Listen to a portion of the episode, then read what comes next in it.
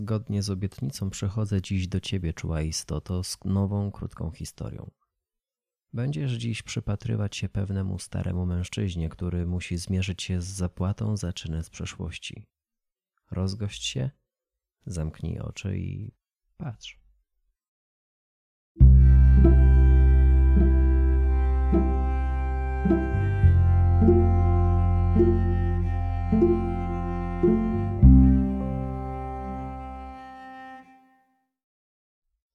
Pierwszy od dawna zaciąłem się przy goleniu. Stałem przed lustrem z lekko zadartą głową i przyglądałem się strudze krwi sunącej po szyi. Przewodziła temu fertycznemu pochodowi pyszałkowata bańka, która biegła po swoje, jakby od samego początku wiedziała, gdzie chce dotrzeć i co zebrać po drodze.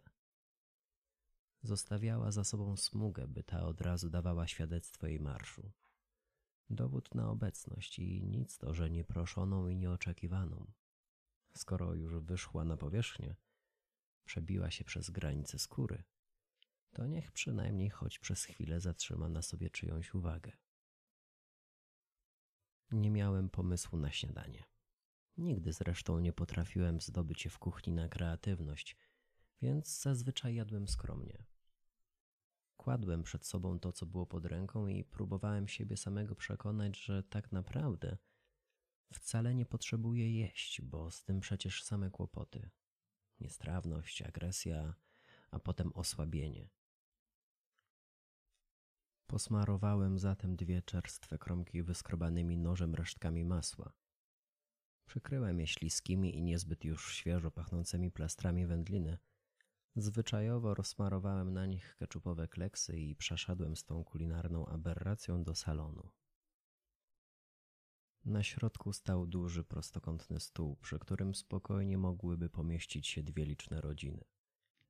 Zasiadłem na swoim miejscu w punkcie przeznaczonym wyłącznie staremu mężczyźnie, seniorowi rodu. To stąd najczęściej wygłaszałem swoje mowy. Tłumaczyłem rodzinie co i jak, skąd i w jakim celu. Tu zadawałem pytania, przepisywałem ziemię i rzucałem talerzami, gdy ktoś wyprowadzał mnie z równowagi. A dziś było tu zupełnie cicho. Nic się nie działo. Jakby wraz z ostatnim dzieckiem uciekło stąd jakiekolwiek istnienie. To wtedy, obracając w ustach rozmokłe kawałki chleba i wieprzowiny, naprawdę poczułem, że coś jest nie tak. Jakiś wewnętrzny niepokój, przechodzący czasem w zdziwienie, jakie zazwyczaj wywołuje wyłamanie się z ustalonego porządku, ze sprawdzonego i przećwiczonego schematu zmuszającego do określonego zachowania niezależnie od woli i pragnień różnych stron.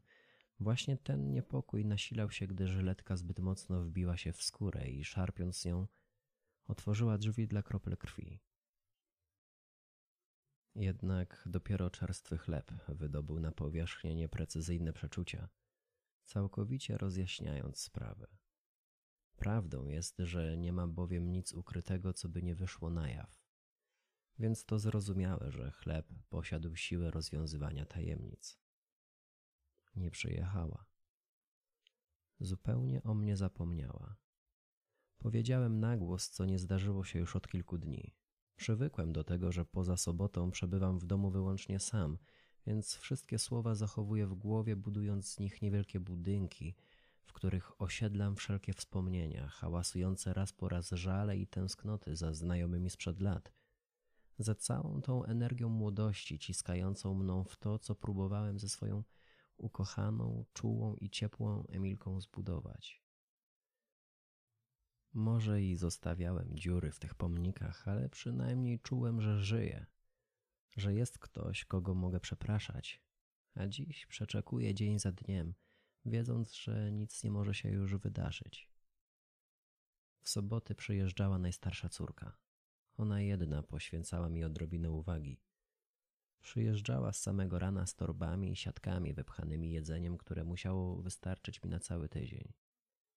Przychodziła, całowała w czoło, zawsze nazywając mnie tatusiem, choć wydawało mi się to niepoważne.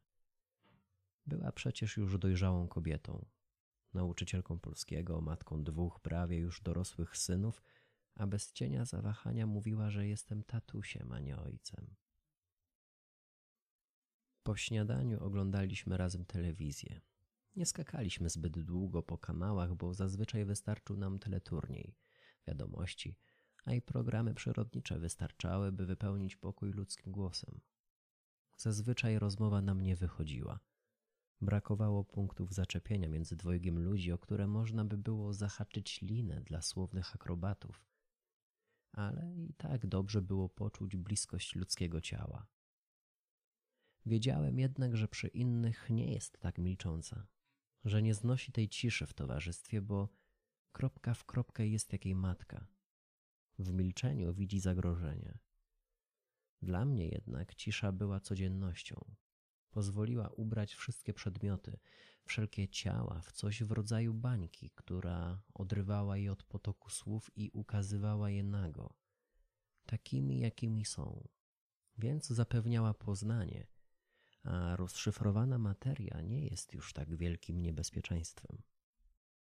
Gdy zamykała za sobą drzwi i wracała do rodziny, zaczynałem odliczanie do następnej soboty.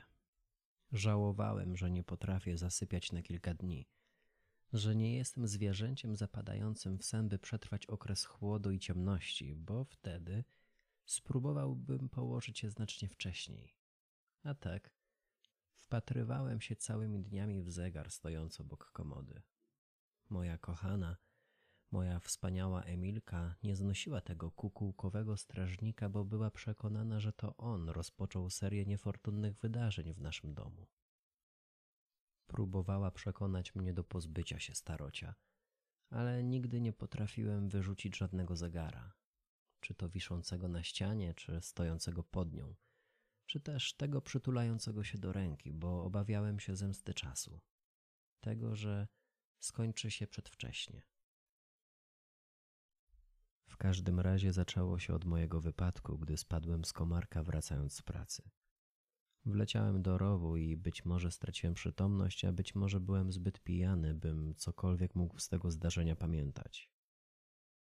Później najmłodsza córka zabrała swoje rzeczy i wyjechała do miasta.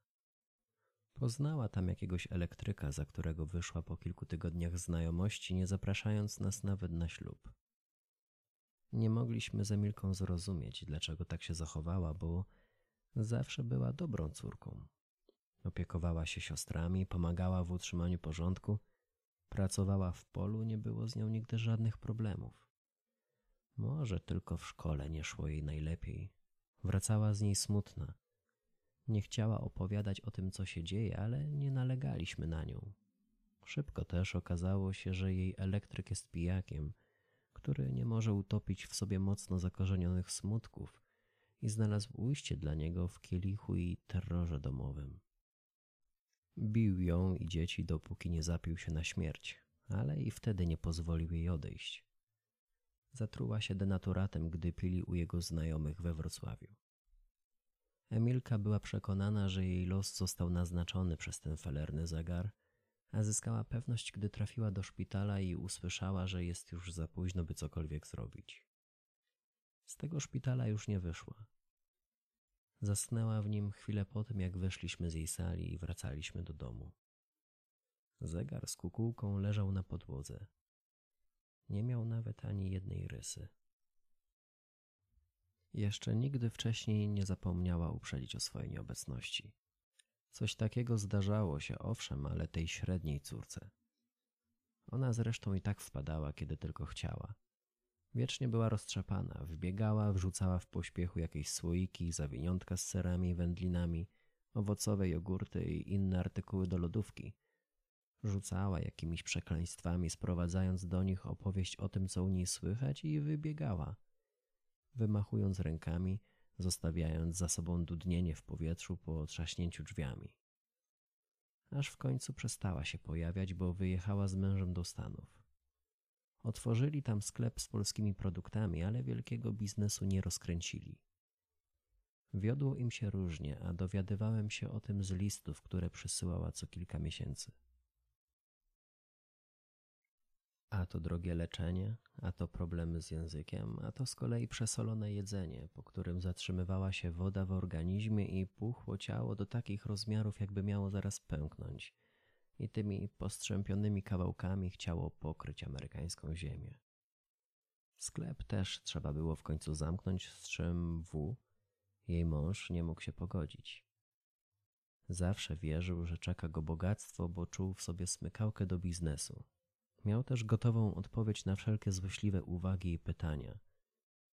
Twierdził, że pieniądze leżą na ziemi, po której chodzi, ale jemu nie chce się schylać. Miał dorobić się głową, intelektem, a nie ciężką pracą osłabiającą mięśnie. Ostatecznie zatrudnił się jako kierowca autobusu szkolnego i dzień w dzień woził zaspane, śniące swój amerykański sen dzieci. Ty skończony egoisto. Zawsze musisz robić z siebie ofiarę. Rzuciłem przed siebie, wiedząc, że te słowa trafią do moich uszu, do słusznego adresata. Poczułem w środku gniew na siebie samego, bo w ogóle pominąłem możliwość, że nie przyjechała dlatego, że to jej coś się stało. Przecież do tej pory dzwoniła nawet wtedy, gdy miała przyjechać później, po południu albo wieczorem. Wstałem od stołu, by poszukać w papierach numeru do niej, ale nigdzie nie miałem zapisanej jej komórki czy domowego. Co z ciebie za ojciec? Do własnej córki nie znasz numeru. Jakoś nigdy wcześniej o tym nie myślałem. Nawet na imieniny czy urodziny nie dzwoniłem z życzeniami, a ona ani razu się nie poskarżyła. Wciąż przyjeżdżała co tydzień, dzwoniła, gdy była potrzeba i ciągle zwracała się do mnie, tatusiu. Nie zorientowałem się, kiedy zasnąłem nad talerzem. Ocknąłem się dopiero, gdy głowa opadła na stół i uderzyła w kubek z kawą, który poturlał się w stronę krawędzi. Zatrzymał się na niej, a zaraz potem powoli zaczął wracać na swoje miejsce. Już wtedy powinienem zrozumieć, że dzieje się coś dziwnego, ale nie było już we mnie zbyt wielkiej wrażliwości na nadzwyczajne zjawiska. Świat przestał mnie zaskakiwać. Na wszelkie wydarzenia patrzyłem z boku, z dystansem. Jakby wcale nie były prawdziwe, tylko stanowiły część powtarzanego od lat przedstawienia, w którym aktorzy nie mogą zapomnieć tekstu, bo od lat nie mówią nic ponad to, co mają zapisane w scenariuszu. Gra nie sprawia im przyjemności. Ocena publiczności nie ma dla nich znaczenia. Nie dbają o żadną jakość, bo sztuka stała się mechaniczna, pozbawiona życia i emocji. I nic mną nie mogło wstrząsnąć. Ani wielkie katastrofy, ani przegrane wybory, wojny, choroby i awantury. Z wypracowanego rytmu wybiła mnie dopiero G z tą swoją niezapowiedzianą nieobecnością. Spróbowałem wstać, ale nie mogłem się ruszyć, jakby nogi nie należały już do mnie. Siedziałem przybity do krzesła, zastanawiając się, czy przypadkiem nie jest to już najwyższy czas, by położyć je w łóżku i spokojnie poczekać na nadejście czarnej pani. I wtedy myśl stała się ciałem. Stała oparta o zegar, który brzmiał już inaczej.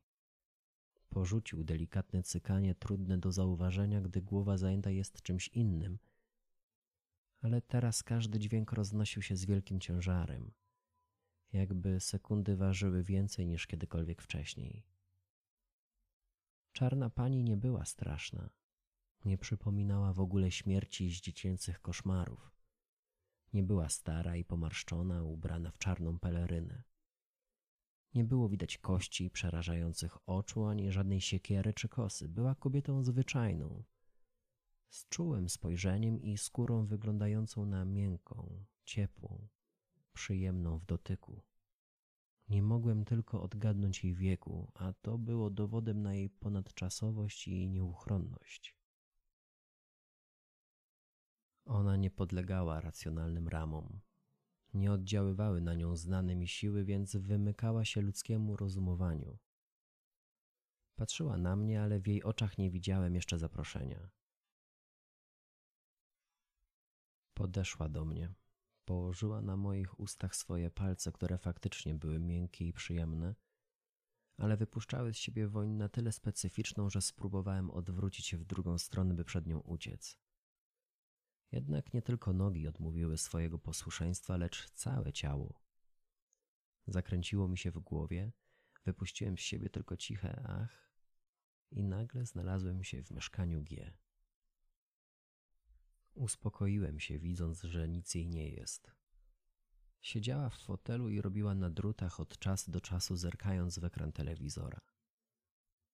Oglądała te same teleturnieje, które w sobotę oglądaliśmy razem. A więc to tak. Po prostu nie przyjechała. Nie kryła się za tym żadna mroczna historia, a ja byłem głupi, myśląc, że przytrafiło jej się coś złego. Zapomniała na śmierć o swoim ojcu i nie dość, że pozwoliła mi zamartwiać się o nią, to jeszcze wrzuciła mnie w ramiona czarnej pani. I to ma być córka? Odbiera tatusiowi ten jeden dzień w tygodniu, gdy nie siedzi zamknięty w czterech ścianach całkiem sam? Już pal licho, że nie przyjechała. Najbardziej dotknęło to, że tak całkiem mnie zignorowała. Wymazała ze swojego kalendarza jak nieprzyjemne i niechciane spotkanie ze znajomym z dawnych lat. W towarzystwie czarnej pani przeszedłem całe jej mieszkanie. Byłem w kuchni, w salonie, w łazience i w sypialni, ale nigdzie nie znalazłem nawet małego rodzinnego zdjęcia, na którym byłbym ja. Porozwieszała obrazy dzieci i męża, znalazła się przestrzeń dla sióstr i mojej Emilki, ale mnie, mnie nigdzie nie było. Nie chciałem tu już dłużej tkwić, lecz czarna pani znów się do mnie zbliżyła, a wraz z jej bliskością opuściły mnie siły. Mięśnie przestały reagować na wezwania i wtedy do mnie dotarło, że nie opuszczę już mieszkania G. Że będę teraz mieszkał u niej po wszystkie czasy, patrząc na jej życie, w którym nie ma miejsca dla mnie. Bo właśnie taka kara czeka nas wszystkich. Za nasze zapatrzenie w siebie i krótkowzroczność, za branie więcej niż nam potrzeba. Za wszystkie dłonie, które mogliśmy podać, a schowaliśmy z chciwości i pychy za wzrok odwrócony, by nie widzieć próśb i za nieobecność, gdy byliśmy potrzebni. Za te wszystkie moje, mi, dla mnie i ja. Będziemy stać zapomniani i niewidzialni, a jak choć trochę złagodzi nasze winy czas, to być może posłużymy nowym domom, jako zegary z kukułką. I odmierzać będziemy czas czarnej pani, by wiedziała, kiedy przyjść, zmieniając łagodne cykanie sekundy ważące więcej niż dźwignąć może człowiek.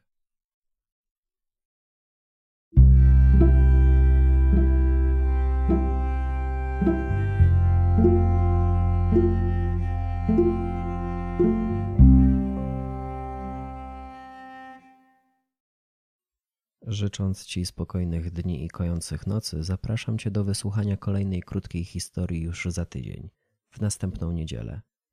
Może przyjdziesz tu z kimś, z kim chcesz dzielić takie historie i zostaniecie tu razem na dłużej. Do usłyszenia.